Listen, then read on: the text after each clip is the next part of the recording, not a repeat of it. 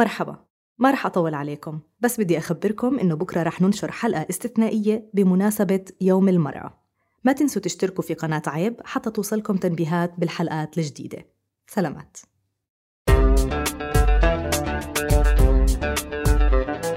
بودكاست صوت. المشكلة يا ماما إن بعد الموت الدنيا ما بتقفش. كان نفسي يكون عندي مجال آخد نفسي أحاول أستوعب اللي حصل بس لقيت نفسي بحاول أملى مكان أكبر مني بكتير يا الله إزاي خلفتوا أربع عيال؟ مشاكلنا بتكبر مع سننا وبتتعقد هي الأهالي بتعيش كده إزاي؟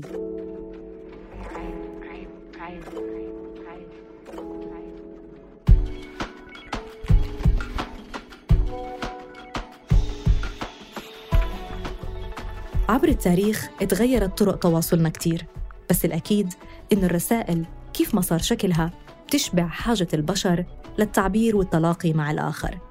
ممكن نعتبر الرسائل فن تحادث في شوية تروي أكثر من الحوار الوجاهي اللي ممكن يسبب انفعال مثلاً. وبنفس الوقت ممكن نعتبرها أقل ذاتية من كتابة المذكرات يمكن لأنها بتخاطب الآخر. الآخر الحاضر فعلا. بس بعيد عنا مسافة تسمح لنا نحكي أشياء بالرسالة ممكن ما نتجرأ نحكيها لو كان قريب. أنا تالا حلاوة من فريق صوت. في هذا الموسم من عيب بنحتفي بوجودنا معكم على مدار عشر مواسم. وبننصت لبوحكم من خلال الرسائل. رسالة اليوم كتبتها بسنت سمهوت لوالدتها المتوفاة خليط من الحب والشوق والامتنان لعلاقة فريدة بين الأم وبنتها.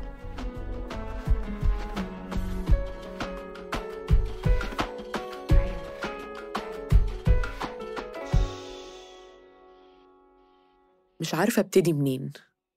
الكلام كتير بس طار أول ما القلم لمس الورقة.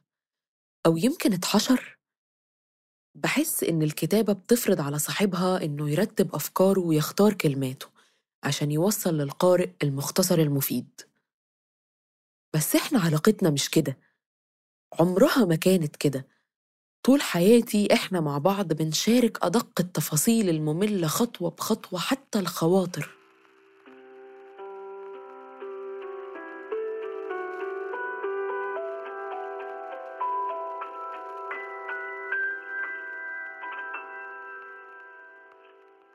إزاي ممكن ألخص سنتين في كام صفحة؟ إزاي أطلب من الكلمات تعبر عن مشاعري وتنصفني؟ ساعات الكلام مهما كان بليغ ما بيعبرش على قد حضن أو نظرة إزاي مطلوب مني أتأقلم مع إنه حتى الكلام اللي بكتبه ده يمكن ما تسمعيهوش أنا مش هقدر أسمع رأيك فيه بس معلش هكتب برضه وهوهب أفكاري وخواطري لسحر العالم. يمكن الملايكة تلاقي طريقة توصل رسالتي لروحك.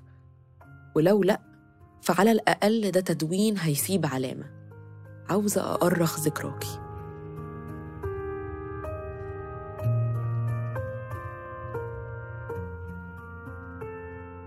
كلنا كويسين. أنا وبابا بنخلي بالنا من بعض. العلاقات الأسرية العامة ماشية كويس مع بعض التوترات الطبيعية اللي بتحصل في أي بيت. الناس كلها قعدت توصيني على بابا من بعدك بشكل مستفز. خلي بالك من بابا خلي بالك من بابا. ما أكيد هخلي بالي منه. وبعدين بابا مش محتاجني. أنا يمكن محتاجاه أكتر. هو بيخلي باله مني وبيمثل لي أمان أنا محتاجاه من بعدك. فاكرة أول ما بابا تقاعد ونزل مصر كنا كلنا خايفين إنه يتضايق أو ما يعرفش يتأقلم على الحياة من غير شغل. فجئنا وكان مبسوط جدا معانا. وبتسافروا سوا وتتنقروا مع بعض وأفضل أقول لكم بلاش لعب الكبار ده. بعد ما مشيتي بابا فضل ماسك نفسه. هو قوي وبيتأقلم. ده مش معناه إنه ما كانش حزين. الحقيقة أنا عمري ما شفته بيعيط كتير كده. ولسه بيدمع على فراقك. بس مازال عمود البيت. ولما يتعب هو عارف إنه يقدر يتسند عليا. دينا لسه زي ما هي تقريبا بس بقت لينة أكتر في التعامل. فراقك أثر فيها جامد وراحت عملت عمرة عشان تعرف توهبها لك بعد كده. هي أخت كبيرة جميلة بس فيها شوية حدة. بتفكرني بيكي. أعتقد هي أكتر حد بيهتم بالأصول والمظهر زي حضرتك. هي كمان بتهزق آدم لما ما يحلش past papers ال IG زي ما كنتي بتعملي معانا. ساعات الموضوع بيضحك. شيماء نزلت مصر وبنزور بعض. حالتها كويسة. متأقلمة مع الحياة هنا هي وولادها أحسن بكتير مما أي حد توقع. هي لسه بطة في نفسها وكل حاجة بتتعمل بروقان. طبعا أول ما نزلت كان الوضع صعب بس الأمور اتسهلت الحمد لله وأنا وبابا موجودين سند ليها. أحمد اتجوز اتجوز ندى وعايشين في الإمارات. كان فرح جميل وكلنا افتكرناكي وكان نفسنا تكوني موجودة. هو لسه بحطة إيدك مسحول في شغله روحه خفيفة وبيكبر دماغه. كنا بنقعد عنده في البيت لما نزور الإمارات قبل ما يتجوز وبيشرب سجاير مع بابا قدام الماتشات. لما سألت طلبوا مني أبلغك إنك وحشاهم قوي ومش عايزينك تكوني زعلانة منهم في حاجة. بيقولوا لك فايتك كتير عايزينك تكوني موجودة عشان نعرف رأيك في الحاجات اللي حصلت وننم سوا. دي نبذة بسيطة. قلت أكيد هتحبي تسمعي عن بابا وإخواتي. بس كفاية عليهم كده. دي الرسالة بتاعتي أنا. هم لو عايزين يقولوا لك حاجة يكتبوها هم ويوصلوها لك بطريقتهم. أنا الحمد لله بشتغل في نفس الشركة اللي مضيت عقدها وانتي موجودة. لأ وترقيت فيها كمان. ماشية كويس في الشغل شكلهم كده مبسوطين مني وبيثقوا فيا أشيل مسؤوليات أكبر كل شوية. في كمان حاجة مهمة. أنا اتعرفت على شاب السنة اللي فاتت. طويل وأمور وأخلاقه كويسة. أنا مبسوطة قوي معاه. كان نفسي تلحقي تقابليه وهو كمان كان نفسه يقابلك. هو قابل دينا على فكرة وتم اعتماده. الصراحة ارتحت عشان هو لو عجب دينا يبقى أكيد كنتي هتحبيه. وكنتي هتحبيه برضه عشان كنتي هتشوفي أنا اتحسنت إزاي. مفيش عند مفيش خوف أو قلق. أنا واثقة في نفسي ومش خايفة من النصيحة. لسه بحب المطبخ وبتطور فيه. عرفت أعمل صواني الرقاق والمكرونة بشاميل زي ما كنتي بتعمليهم. مش زيهم بالظبط يعني أكيد أنتي الأصل لكنها محاولات ناجحة في رأيي ويا رب بابا ما يكسفنيش. بحاول أخلي بالي من البيت على قد ما أقدر. في نظام البيت نظيف ولسه بابا مسؤول الغسيل. بس يا ريت الدنيا جت على قد النظافة والنظام. كنت دايما مدركة مدى أهمية وجودك في حياتي. بس عمري ما تخيلت إنك حايشة عني الكم ده من المسؤولية. حاسة إني كبرت عشرين سنة في الكام شهر اللي بعد فراقك. المشكلة يا ماما إن بعد الموت الدنيا ما بتقفش. كان نفسي يكون عندي مجال آخد نفسي أحاول أستوعب اللي حصل بس لقيت نفسي بحاول أملى مكان أكبر مني بكتير. شغلت منصب الاستشاري الأول لبابا بحكم قعدتنا سوا. يا الله إزاي خلفتوا أربع عيال؟ مشاكلنا بتكبر مع سننا وبتتعقد. هي الأهالي بتعيش كده إزاي؟ الظروف كانت صعبة قوي بعدك. وعكات صحية مشاكل عائلية وخيبة أمل في ناس كنا فاكرينهم قريبين. بطبيعة الظروف دي كان نفسي أكون أنانية مهتمش بالمشاكل وأوكلها لغيري. لو عليا كنت حبست نفسي في العالم بتاعي وعيطت وقت ما أنا عايزة. كنت ركزت في نفسي وفي مشاكلي الشخصية وبس. بس حسيت بمسؤولية. ما كنتش عايزة أزود همومي على هم العالم اللي بنواجهه. حسيت إني لوحدي عشان بتفادى إني أعيط عليكي قدام بابا. مش عاوزاه يقلق عليا. بالرغم من الظروف بشكل ما اتغيرت للأحسن. الحمد لله. بس بيني وبينك أنا ما كنتش عايزة أكون قوية. أنا ما كنتش عايزة أمسك نفسي أنا اضطريت على ده. أنا كنت عايزة ترمي في حضنك وارميلك همومي تشيليها عني زي ما ياما شلتي. مش قادرة أستوعب انت فعلا عملتيها إزاي. ساعات ما بكونش عارفة أنا بعيط عشان أنتي وحشاني؟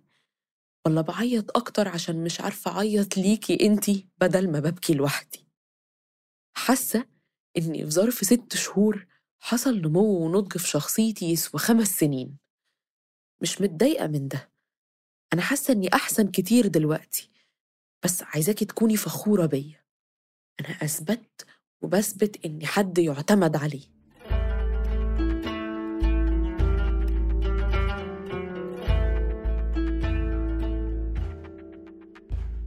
زي ما بتوحشيني وأنا زعلانة بتوحشيني أكتر وأنا مبسوطة.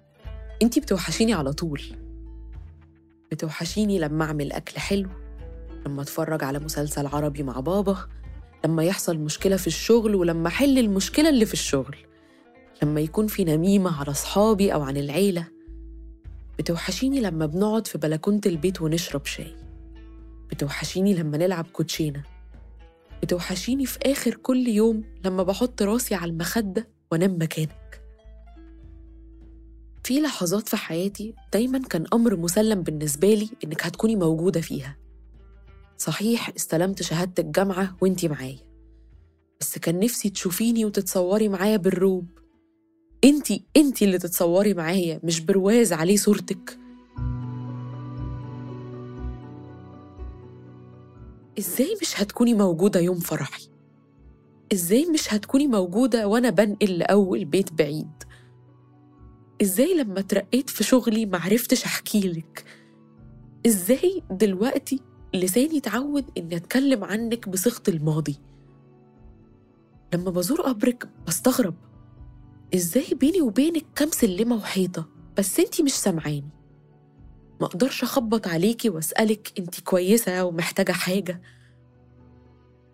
أنا بس عايزاكي تعرفي إنك مش منسية. في كل ركن في البيت بنفتكر ذوقك ونظامك. فاكرين ضحكتك ونظراتك وانتي بتهزري معانا وفي مزاج لعبي. فاكرين طيبة قلبك وعلاقتك الكويسة مع كل من تشرف بمعرفتك.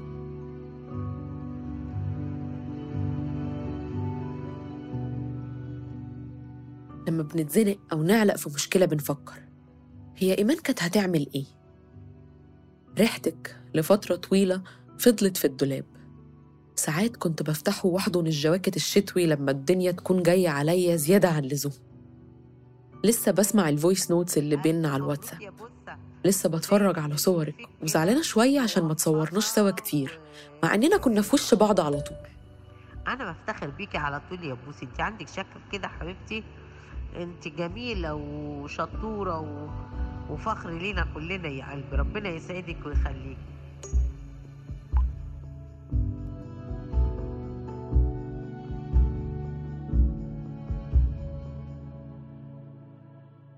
أنا فاكرة إزاي كنت بمسك إيدك وأتفرج على ضوافرك. أنا فاكرة لما كنت بنام جنبك وأحاول أحفظ ملامحك. ما كنتيش مركزة معايا بس مركزة في ليفل كاندي كراش ماما أنا وحشتني كل حاجة فيكي. حتى لما بنتخانق وحشني إن أحاول أصالحك بكوباية شاي. أنتي جميلة روحك حلوة وذوقك راقي. كنتي متفاهمة معايا وبتستوعبيني. يمكن مش دايما بالشكل اللي أنا عايزاه بس لحد دلوقتي في نوع عياط محدش شافه غيرك. في مستوى من الضعف سمحت بيه لنفسي بس لما كنت معاكي. كنتي إنسانة بمعنى الكلمة. علمتيني القوة ووريتيني كمان إن الضعف قدام الأحباب مش عيب. علمتيني الأصول والمبادئ والمجاملات الحلوة. في نفس الوقت برضو يا أمونة علمتيني العند. أوعدك طول ما أنا عايشة كل اللي يقابلني هيعرف أنتي مهمة بالنسبة لي إزاي. زي ما بفتكرك ونزعل على فراقك بنحس كمان بالفخر وبنفتكر الذكريات الحلوة والمواقف اللذيذة. شكرا على كل حاجة. لولا تأثيرك عليا أنتي وبابا ما كنتش هبقى البني أدمة اللي أنا حباها دلوقتي. بتمنى تكوني مبسوطة ومرتاحة في المكان اللي أنتي فيه. سواء كان في عوالم تحت الأرض أو كروح خالدة وسط النجوم. بحبك.